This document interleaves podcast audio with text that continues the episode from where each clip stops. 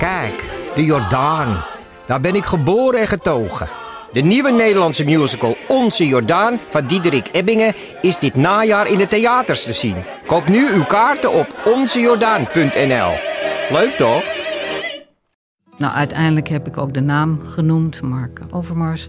En toen hebben we lang over gesproken. En toen zei ik, heb je dat nou zelf ook wel eens meegemaakt? Ja, ja, ook zelf meegemaakt. Heb jij ook wel eens van die dickpics ontvangen? Ook. Ja, dat vond ik toch wel heel heftig. Ben je benieuwd naar deze verhalen en wil je niets missen? Via podimo.nl slash gonzo luister je 30 dagen gratis naar Gonzo op Podimo. podimo.nl slash gonzo Welkom. Vanaf de redactie van De Groene Amsterdammer is dit uw wekelijkse podcast. Ik ben Stefan Sanders en ik ben vandaag uw presentator. Mijn gasten vandaag: Koen van de Ven, redacteur van De Groene Amsterdammer, en vriend en oud medestudent Remy Koens van de onderzoeksgroep Follow the Money. Hartelijk welkom, allebei. Dankjewel. Dank je. Zeer bijzonder verhaal. Echte onderzoeksjournalistiek. Heel lang geleden, in mijn tijd bij De Groene, konden we dat helemaal niet betalen, zo'n verhaal. Met data en al. Het heet uh, Rafelende Randen en het gaat over een wijkende overheid die nauwelijks nog tastbaar is en stilletjes wegsluipt uit de dorpen en dorpjes. Aan de randen van Nederland leidt dat tot sluiting en complete afwezigheid van publieke voorzieningen, zoals scholen, ziekenhuizen, bibliotheken en zo verder. Uh, nogmaals, ik was aangenaam getroffen toen ik dit verhaal las. Uh, en bovendien zijn jullie er heel lang mee bezig geweest, las ik, vanaf april Klopt, dit jaar. ja. Uh, even, ik begin even met jou, Koen. Um, nou, is de Groene, heet de Amsterdammer, is erg randstedelijk. Erg misleidend. Dit, nou ja. ja. goed, dit gaat heel erg over de pijn van het platteland. Ja. Hoe, hoe kom je aan het onderwerp? Hoe kwamen jullie aan dat onderwerp? Ja, nou dat eigenlijk, moet ik zeggen, dit kwam het voort uit een, ik denk een beetje langdurige frustratie bij ons in de redactievergadering, waarbij wij al jarenlang uh, staan er in vooral dagbladen uh, hele goede reportages, verslaggeverscolumns, die heel vaak dit fenomeen anekdotisch beschreven. De, de hoeveelheid columns. Ja, en dit. Terugtrekkende overheid. En ik merkte bijna, nou ja, op een gegeven moment hebben we echt zo'n tijd gehad dat we vrij vaak een vergadering dat iemand zei: Hebben jullie dat verhaal gelezen over dat dorp waar nou de bibliotheek weg is? En nou goed, in deze mal kon je dus ook invullen met: Heb je dat verhaal gelezen over die gemeente waar het zwembad weg was? Het, je kwam het steeds tegen. En op een gegeven moment, nou, we hebben een keer bedacht: kunnen we dat niet veel structureler bekijken? Is dit echt zo? Uh, is dit. Uh, uh, kunnen we hier een soort lijn in ontwaren? En.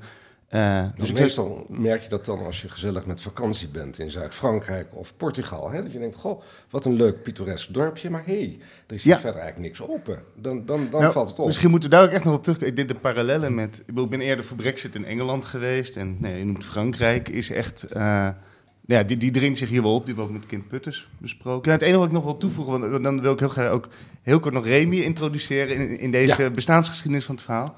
Op een gegeven moment op een ochtend zei ik, kunnen we dit niet gaan turven? Wat een beetje uh, gewaagde uitspraak is. En toen uh, zei uh, Sandra, de hoofdredacteur, hier meteen, supergoed idee. En toen heb ik die vergadering uitgelopen. Toen heb ik meteen Remy gebeld. Want die, die kende Remy? Ja, van ja. heel veel jaren geleden inmiddels, van de School voor Journalistiek in Utrecht. En ik zie altijd wat Remy doet. Remy is een echte datajournalist. Ik werk graag met data, maar ik ben zelf geen datajournalist. En jij was eigenlijk ook meteen enthousiast. Dus voor mij de volgende dag zijn wij gewoon gaan zitten. En hebben we een plan gemaakt. En jij, nou ja, misschien, jij, voor mij waren ze bij jou ook snel over, overtuigd hè, op de redactie.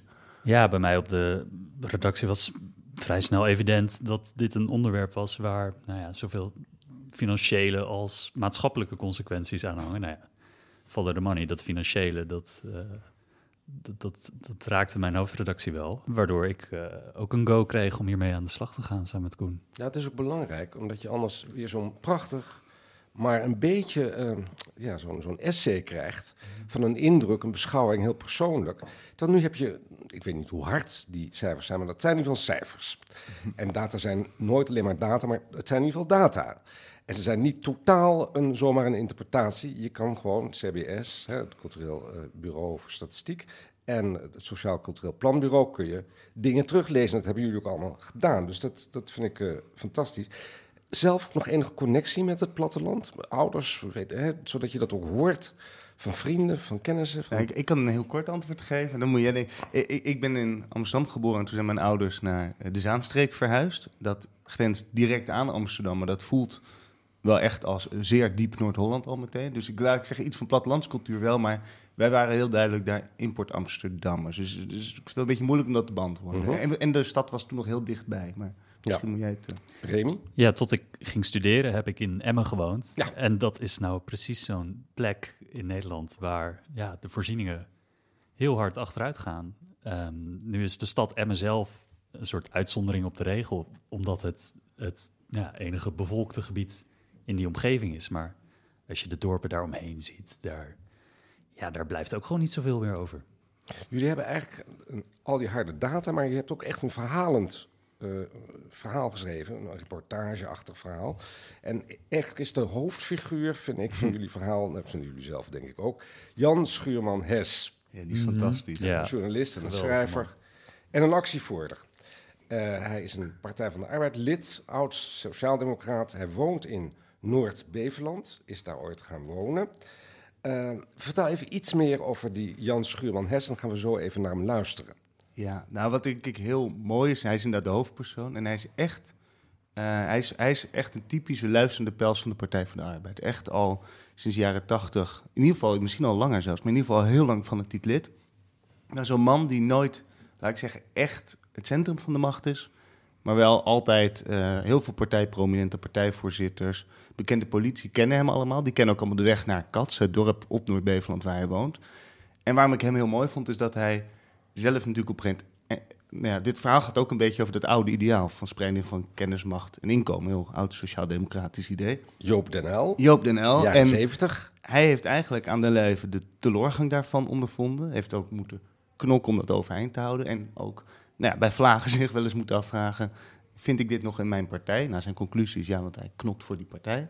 Maar eh, daar, ja, dus daar komt er heel veel in samen. Want het grappige is, hij is dus iemand, eh Schuurman-Hes, die niet daar vandaan komt, oorspronkelijk. Die daar is gaan wonen met zijn vrouw en ik zijn kinderen. Waarmee ineens dat schooltje in Kats, dat dorpje in Noord-Beveland, bestaansrecht kreeg. Omdat er twee kindertjes, geloof ik, bij kwamen op dat schooltje. Laten we even een, eh, een kort stukje luisteren. Dat is wel grappig even te vertellen. Eh, hij, hij, komt, hij wordt uit bed gebeld door Omroep Zeeland. Eh, hij heeft de avond ervoor, de nacht ervoor moet ik eigenlijk zeggen, heeft hij naar een debat zitten kijken in de Tweede Kamer over dat, dat krimpbeleid in het platteland. Dat is heel laat geworden, vijf uur, zes uur. En een uur later belt dan Omroep Zeeland en je hoort dus dat de man, Jan Schuurman-Hes, net wakker is. Want eh, wat betekent dit voor jullie dan? Nou, in ieder geval op dit moment dat het eh, niet zo is dat we volgend jaar een schooltje open kunnen doen. En ons schooltje zou niet te klein zijn. Eh, de, de, de norm voor de gemeente Noord-Beveland is 23 leerlingen. En ik weet zeker dat we die makkelijk zouden halen. We zouden samen één doorlopende leerlijn met Isaac Beekman eh, in Capelle gaan vormen. Ja. De- we zouden leerlingen genoeg hebben. Eh, Daar zijn we allemaal van overtuigd. Maar nu, op dit moment, zegt de Kamer: het kan niet van start gaan. Want eerst willen ze jullie betekent- proef afwachten in Groningen en daar de eerste Ja. resultaten dus van zien. Maar Ja. gaan jullie dan wel door of, of, of was dit het? Hoe, wat, hoe zien jullie de Nou, toekomst dan? Ik, ik- tussen, tussen, tussen kwart over vijf, half zes vanochtend en nu heb ik nog niet de mensen op het dorp eh, gesproken. Wat zegt je Eh, gevoel? Eh, nou, kijk eens, het is een enorme tegenvaller. En we moeten eens even nadenken met elkaar hoe we er nu voor staan en wat ons te doen staat. Maar ik heb intussen al zoveel signalen uit het land gehad. Want we zaten niet alleen in katsinspanning, maar ook in Limburg en in Gelderland en in Friesland en in Groningen. Gisteren allemaal vannacht voor de buis. Mhm. Ehm, ehm, eh, misschien is het goed dat we allemaal, allemaal bij elkaar komen in Kats en eens eventjes nadenken. Ook omdat we vanuit de Tweede Kamer gisteren tijdens de stemmingen al het verzoek kregen om niet op te geven. Van wie kreeg je dat verzoek dan? Van politici, van Tweede Kamerleden? Ja, ja, ja, van Kamerleden. En, en, eh, Maar dat is dan toch raar dat ze zeggen van nee joh, het mag niet doorgaan en ondertussen met jou zitten te appen of te twitteren of weet ik het wat van ja, maar geef niet op. Dat dat is een beetje, beetje ja wat willen ze nou eigenlijk? Nou ja, je moet je voorstellen, toen wij begonnen was er weinig begrip voor uh, onze bezwaar tegen onderwijsmonopolies. Ja. Tegen de salarissen die hier in Kats werden betaald. 21.500 euro per maand aan een onderwijsbestuurder. Echt, dat moet de pers eens een keer naar kijken. Dat soort salarissen worden zelfs niet aan ministers betaald. Nou, het viel eigenlijk wel reuze mee hè, met die dikke ochtendstem. Eigenlijk nu ik het zo terugluister, dat fragment. Maar goed, het idee is duidelijk. Hij heeft heel lang uh, gekeken naar dat Kamerdebat, net zoals allerlei mensen in allerlei provincies. Uh, Remy, is het inderdaad zo dat die overheid, uh, is het inderdaad vooral op het platteland en de randen van Nederland, dat die zich terugtrekt? Ja, dat zie je wel, in, tenminste in versneld tempo gaan op het platteland. Uh, in, ja, als er gewoon bewoners zijn, inwoners, als je een kern hebt, dan zijn er voorzieningen nodig. Want er zijn bepaalde sociale grondrechten waar nou ja, de Nederlandse overheid voor garant staat. Maar nou ja, een dorp als Cats met 450 inwoners, daar hebben ze in Den Haag toch minder oog voor. Want het gaat geloof ik over 23 kindertjes die je moet hebben om zo'n school Ja. te behouden. En dan, je hoeft er maar eentje te verliezen en dan zit je. Ja. Nou ja, dat schooltje in Cats, dat is een school geweest. Uh, je kan helemaal terugzien in, in de historie hoeveel kinderen daar elk jaar op school hebben gezeten. Daar zaten altijd 30 tot 50 kinderen op school. Uh, ook de jaren voordat er wordt gesproken over sluiting van die school. En dan, nou, op een gegeven moment krijgt die school in Janse woorden uh, de doodsbrief. Waarin ze nou ja, aankondigen, deze school gaat sluiten. Um, we kunnen er nog maar een paar op het eiland open houden. Maar daarbij is nou ja, niet gekeken naar hoe stabiel het aantal leerlingen is uh, op dat schooltje. Dat is al jarenlang. Uh, eeuwenlang. Wat je eeuwenlang, zegt. ja, gelijk. Dat, ja, dat is heel goed om te markeren. Wat Remus is dat dat is een punt wat wij ook van mijn allebei onze stukken uh, maken. Vrij expliciet maken is niet zozeer Noord-Beverland of Cats is veranderd. Tuurlijk, je hebt af en toe demografische schommelingen. Toen hij in de jaren 90 kwam, zaten ze net in een dalletje qua kinderen. Toen de sloot hadden ze er al geloof ik twee keer zoveel. Uh, maar onze blik op deze plaatsen is veranderd. Onze blik op hoe aanwezig een overheid moet zijn. Of zoals Kim Putters zegt, nou, directeur van het Sociaal Cultureel Planbureau in ons stuk. Wat is de ondergrens? Ja, wat is, is de ondergrens? Ja, nee, is, die... Nou, dat vraag ik jou dus. Oh ja, nou ja, dat is denk ik, nou, dat is denk ik een, dat is wel een hele belangrijke conclusie uit, dat, uit dit stuk. Is dat die, uh, uh, zeg je dan, ja, die steeds lager komen te liggen. Uh, en steeds minder voorzieningen voor mensen die er wonen. Want je, het gaat eigenlijk over kun je wonen in een dorp of een dorpje als je bijvoorbeeld naar een middelbare school wil, niet hoger dan de HAVO, en 18 kilometer moet fietsen. Dat de, VN, de dichtstbijzijnde VMBO-school toch al 12 kilometer fietsen is. Laat staan dat als je naar een gymnasium wil, Precies. dan is het gewoon 35 kilometer fietsen. Ja. En mag je wel met de trein naar Middelburg, geloof ik. Nou, enfin, dus dan kun je je afvragen hoeveel bestaansrecht heeft zo'n dorp nog. En waar moet je zeggen, maar dat, dat hoort een nette overheid niet toe te staan. Precies, nou, dat is echt de vraag die we natuurlijk, denk heel nadrukkelijk opwerpen. Uh, waar die grens precies moet komen te liggen, nou, dat zou eigenlijk, bedoel, daar zou je echt nog, dat zou bijna vervolg kunnen zijn. Dat is ook een vraag die heel veel mensen ook opwerpen uh, uh, uit alle hoeken van het land. Um, wat denk ik ook wel belangrijk is om aan te geven, is dat um, hetgeen wat er ook verloren is gegaan in zo'n dorp als Cats, is dus ook niet alleen een school. Het was eigenlijk de laatste voorziening. En een laatste voorziening, dat zien we ook bij heel veel sluitingen van bibliotheken, is vaak alweer veel meer dan een school. Dus als we het, je ziet vaak in zo'n onderwijswet wordt het versmalt tot een school. Dat was inmiddels ook de plek waar de, uh, de, de dorpsklant werd gedrukt, waar de badmintonvereniging zat, waar ouderen ook gymnastiek deden in het uh, gymlokaal. Nou, en zo is een hele opzomming. Hij is nog langer de Oranjevereniging, muzieklessen. Volgens mij eigenlijk alles gebeurde alleen nog maar in die school. Dus als je dat laatste ding ook nog sluit, en dat zit nooit in een spreadsheet, uh, dan gaat eigenlijk er veel meer verloren. Dus dat, het gekke ja. is natuurlijk dat Nederland, dat beschrijven jullie ook in het stuk, een hele lange geschiedenis heeft van maakbaarheid. Noord-Beveland is ooit zelfs gemaakt uit het water. Ja. Dus dat is gewoon gepolderd en het is ontstaan. Nederland heeft die maakbaarheidsgeschiedenis. Uh, hoe kunnen we dat zo vergeten zijn? Wanneer is het dan gebeurd? We hadden het net over de jaren 70, Joop den Uyl als premier, uh, spreiding, macht, kennis, inkomen. Jaren 80 is het toen ingezet dat de overheid rendem, uh, ja, rendement moest gaan brengen. Nou, dat is wel echt iets van kabinet uh, Lubbers 1 en 2 uh, geweest, waar, waar de gedachte is ingezet. eh, van, van een efficiëntere overheid. Een, een overheid die moet letten op de begroting. Onno Ruding, eh, dat was de minister van Financiën, die kwam volgens mij voor het eerst met termen als uh, uitgavendiscipline. Nou, dat zijn termen die we inmiddels overal terugzien. Maar die waren toen tijd waren die redelijk nieuw. Onno Ruding werd minister van Financiën in een tijd dat het economisch ook niet goed ging met Nederland. Nee, en sterker nog, Lubbers was ook premier toen het heel slecht ging Mhm. met Nederland. Dus hoe, hoe fijn die verhaal ook is, ik denk wel, want ik heb die tijd geleefd. Ja. Mhm. Ja, maar er was ook helemaal geen geld. En er was een enorme crisis, Mhm. grote werkloosheid. Iedereen zat in de WAO, Ja. de wet arbeidsongeschiktheid. Nederland is was ziek. ziek, zoals Lubbers zei. Dus er moest ook ingegrepen Ja, worden. volgens mij is daar ook echt wel consensus over. Dat er natuurlijk ook wel, misschien wel weer, de, dat de kleep ook echt wel weer een keer de andere kant op mocht. Eh, de vraag is alleen of die kleep ooit nog ergens is geëindigd, denk ik. Want Ja, ja. wat Onno Ruding, die, eh, nou, daar hebben we even contact ook mee gezocht. Ook omdat hij wat... Kijk, het was niet alleen Onno Ruding. Hè, dat, zou ik veel, dat zou ik bijna een kinderachtige versmalling vinden. Eh, maar hij is wel... Hij heeft recent wat memoires uitgebracht... waarin hij ook heel erg terugblikt op die tijd. En dan zie je ook... Dan zie je eigenlijk hoe binnen zo'n kabinet dat nog dan tot ruzie leidt.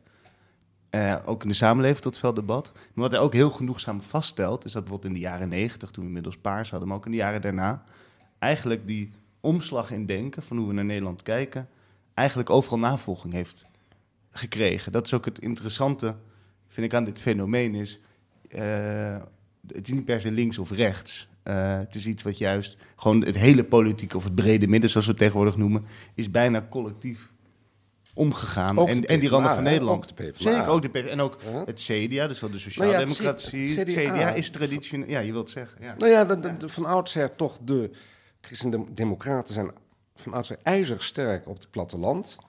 eh, zouden moeten staan voor al die, wat we nou de boerenburgerbeweging noemen. Dat, Ja. dat was ooit, viel samen met de christendemocraten. Die, nou, Ruding was van het CDA. eh, als, was Ja. een partijgenoot. Hè? ja. Nee dus. Nee, nee, dat is ook... Nee, absoluut. Er zit een... Nou ja, Remy en ik hebben een heel fijn bezoek afgelegd eh, aan, aan Pekela in Oost-Groningen. Waarbij we met lokale PV-leider een rondje zijn gaan rijden. Eh, best wel een lang rondje trouwens. En zijn we langs alle dichtgespijkerde luiken gegaan. En op een gegeven moment, dat vond ik echt heel illustratief, zet hij even de auto stil bij een veld en zegt ja, ja, hier zat het AZC. En toen dacht ik, ja, dit is wel het moment om even met hem te bespreken.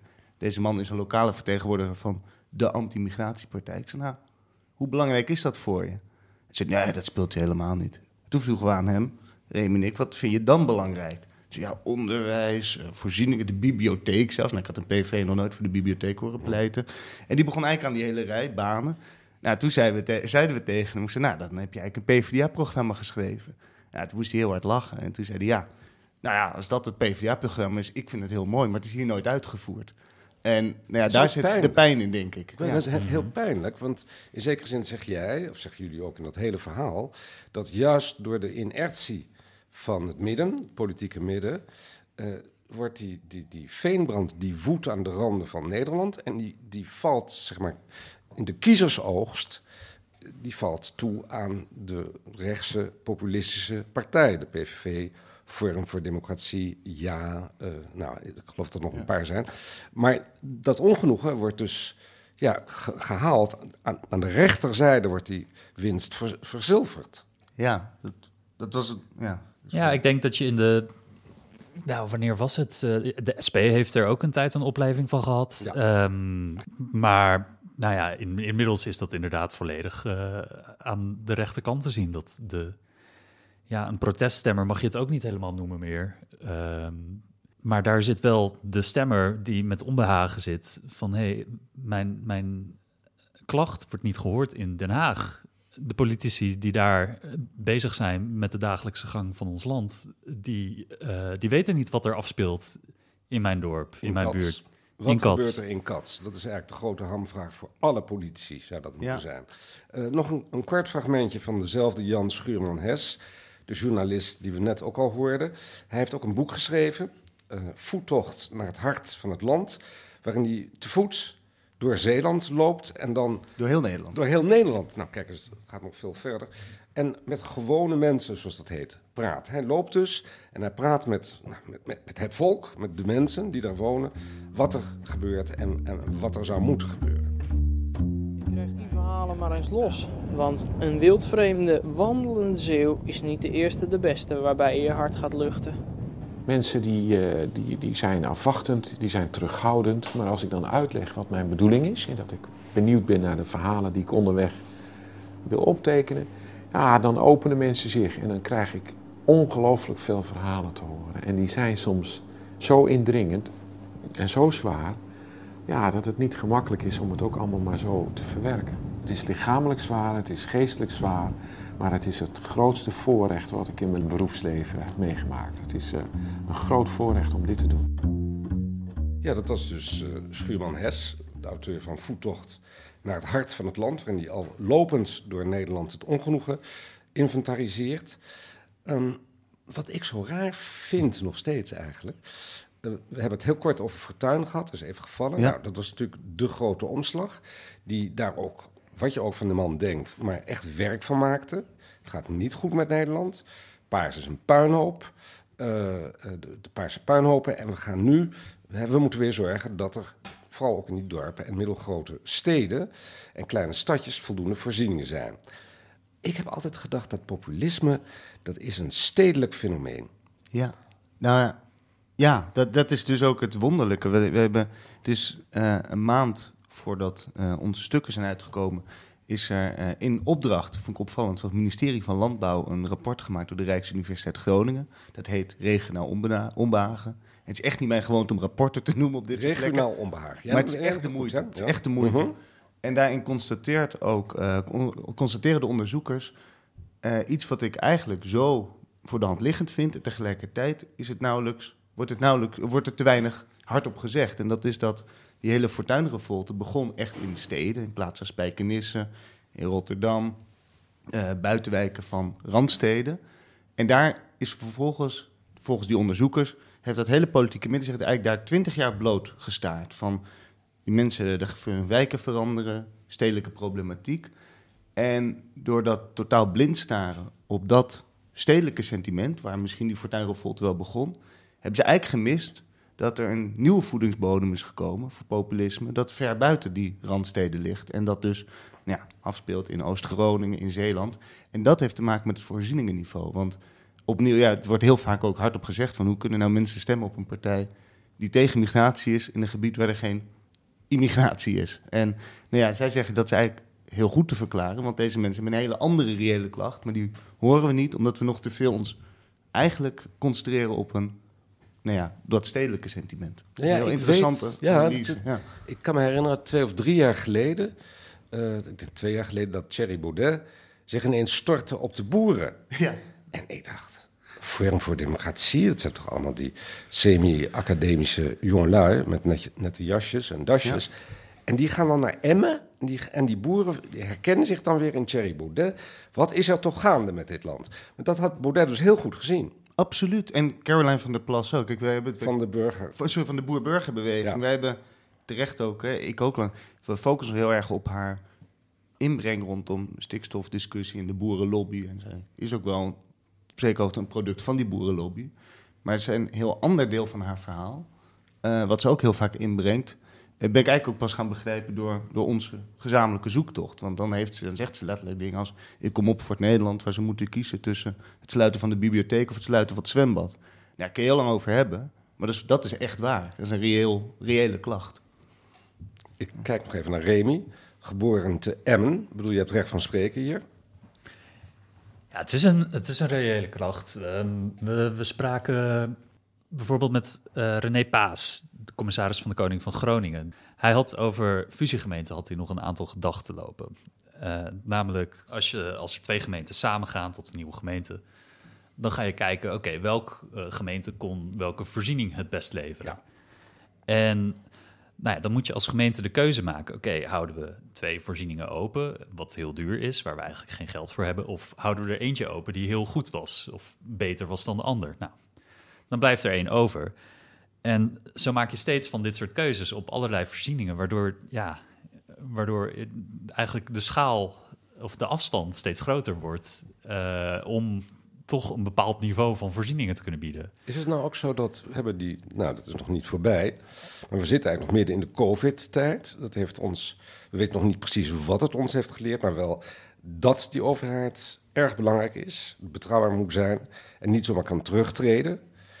Gaat het niet heel erg snel iets doen veranderen in deze beweging van de terugtrekkende overheid? Uh, nee, ik denk, maar misschien, ik weet niet of dat te abstract is. In zijn algemeenheid zie je dat gewoon, maar dat is bijna een soort hele kentering die we misschien al een paar jaar zien en die misschien door COVID is versneld, dat de herwaardering van de actieve overheid en gewoon, nou ja, wij, wij gebruiken heel graag het begrip de zichtbare overheid, de overheid die je gewoon kan ontmoeten, die je kan spreken, dat die is wel echt flink aan de opmars bezig. Uh, het ziet trouwens nu ook in de recent, recente debatten in Den Haag, dat eigenlijk het pleidooi voor bemenste plekken, voor gewoon de overheid die wel kan ervaren, is is heel groot. Ik, ik weet niet precies wat met corona te maken, maar ik kan het me wel voorstellen. Overheid is nog nooit zo dichtbij in ons leven geweest. Nee, en, eigenlijk de, de, meerderheid van Nederland vindt dat trouwens prima. Dat moet ook wel eens constateren. En is het nou ook zo dat die zogenaamde middenpartijen, ik zeg maar eventjes van af GroenLinks tot en met uh, de ChristenUnie, CDA, de PvdA, D66 enzovoort, dat die zich daar ook nou iets van aantrekken? Ja, dat is wel, ja, dat, dat is een goede vraag. Het CDA zou wel moeten, want die hebben nu natuurlijk een proxy gekregen met de boer-burgerbeweging. Dus die hebben iets waar ze zich direct op moeten verhouden. Bij, hè, die twee groepjes. Die, ja, ja. Dus die, die zullen echt wel moeten worden wel scherp gehouden. Nou, het valt mij op dat, nou, wel, dat is misschien iets wat we weinig nog benoemen, een stuk de landelijke PvdA signaleert dit wel. Nou, Lodewijk Asscher is weg, maar is nu, uh, dat weten van heel weinig mensen, maar die is keihard bezig in uh, Heerlen Noord, zeg ik. Die is daar samen met Ron Meijer van de SP bezig met dit soort thematiek. Dus daar is dat wel wat aan te veranderen. Uh, eh, VVD, deze vind ik moeilijk eer in te schatten. Misschien wel, misschien niet. Maar in ieder geval, ik, nou ja. Van oudsher waren de VVD en D66 natuurlijk vooral partijen voor stedelingen. Ja, Hè, dat, dat, ja. Dat, dat, kan je heel grofweg Precies, zeggen, ja. geloof ik wel. Ja, nou, ik, ik, ik geloof dat je wel wat duidelijker een, een moment van omslag kan aanwijzen hoor. Dat bij de politiek, de landelijke politiek, het besef komt over oh, zijn iets te hard gegaan met uh, het terugschalen van voorzieningen. In nou, de eerste jaren van de, de jaren tien, um, dus nou, 2011, 2012, toen was er een overheid die ook weer sterk moest bezuinigen. Dus uh, de overheid ging voor een zo efficiënt mogelijke overheid. Um, dus geen verspilling van middelen. Nou, dat lijkt weer heel erg op wat Ruding de jaren tachtig uh, zei en deed. Het is toen heel hard gegaan. Um, er zijn meer schooltjes gesloten dan in andere jaren. Normaal lag dat tussen de 30, 50 sluitingen uh, per jaar. Opeens werden dat er 125 in een jaar tijd. Nou, dat is een paar jaar doorgegaan. Uh, ongeveer, nou, laten we zeggen 2018, zie je bijvoorbeeld op het gebied van scholen dat nou, de minister uh, zoveel um, klachten van burgers heeft gehoord, dat hij beseft: hé, hey, ik moet stoppen met het sluiten van deze kleine schooltjes. En dat gaat allemaal nog premier Rutte. Het is allemaal onder zijn. Allemaal onder uh, premier Rutte, ja. ja. Um, ik zeg het niet om te stoken, maar om even de mensen een idee te geven. Ja, ja. ja allereerst, ja, die schoolsluitingen, dat, de basisschoolsluitingen, dat valt in het begin onder uh, Sander Dekker, die dan nog staatssecretaris is. En nou, in 2018 dan heb je ChristenUnie-minister uh, Arie Slop, die zich realiseert, ik moet stoppen met het sluiten van die kleine schooltjes. Dus die heeft vervolgens ook um, nou, extra geld uitgetrokken voor de kleinste schooltjes in Nederland. Die heeft ervoor gezorgd dat, nou, ik geloof dat de, de scholen met uh, minder dan 50 leerlingen, die krijgen 20.000 euro per jaar extra. Dus dat kon wel. Uh, ja. Slop heeft dus ja. iets gedaan, ook voor zijn eigen achterban waarschijnlijk. Dat ja. hij dacht, nou, dat, dat, daar zitten onze kiezers. Dat, dat moet niet gebeuren. Mm -hmm. Precies. Nou, die signaleerde gewoon van als, als ik hier met dit beleid doorga, dan sluit ik al mijn scholen. Dan krijg ik alleen maar meer van deze boze verhalen. Uh, nou ja, van, van burgers die bij mij komen. En is het nou afsluitend, kun je zeggen die boodschap is nu hard genoeg doorgedrongen in Den Haag. De partijen kunnen er niet meer omheen. Kom.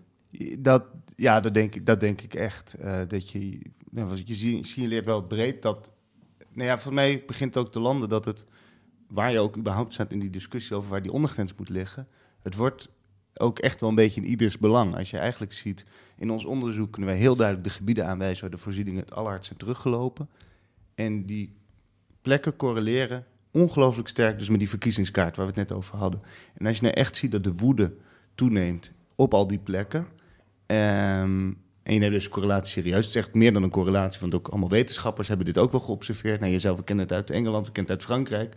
Ja, dan, dan zul je wat moeten doen. En dan, nou ja, ik vind dat, dat is een beetje de centrale vraag die boven dit stuk is gaan hangen. Eh, moet je de, eh, eh, kun je een overheid wel vertrouwen als je hem niet ziet? Ik bedoel, kun je überhaupt iemand vertrouwen die niet kan zien, die je niet gewoon kan groeten, in de ogen kan kijken? Eh, nou, dat is best wel, eh, dat is denk ik de grote vraag. Dank jullie zeer. Koen van de Ven, Remy Koens. Je kan het allemaal nalezen in De Groene, prachtig stuk. Verder in Deze Groene. Een reportage uit Schiermonnikoog... waar zeven boeren van het Waddeneiland hebben besloten... om een derde van hun koeien weg te doen... waardoor de natuur zich weer kan herstellen. Misschien wel een voorbeeld voor heel Nederland. En een profiel van de sympathieke Deense eurocommissaris Margarethe Verster, ik geloof dat ik het goed uitspreek, die zich keihard opstelt tegen machtsmisbruik door Big Tech. Kunt u dus allemaal nalezen.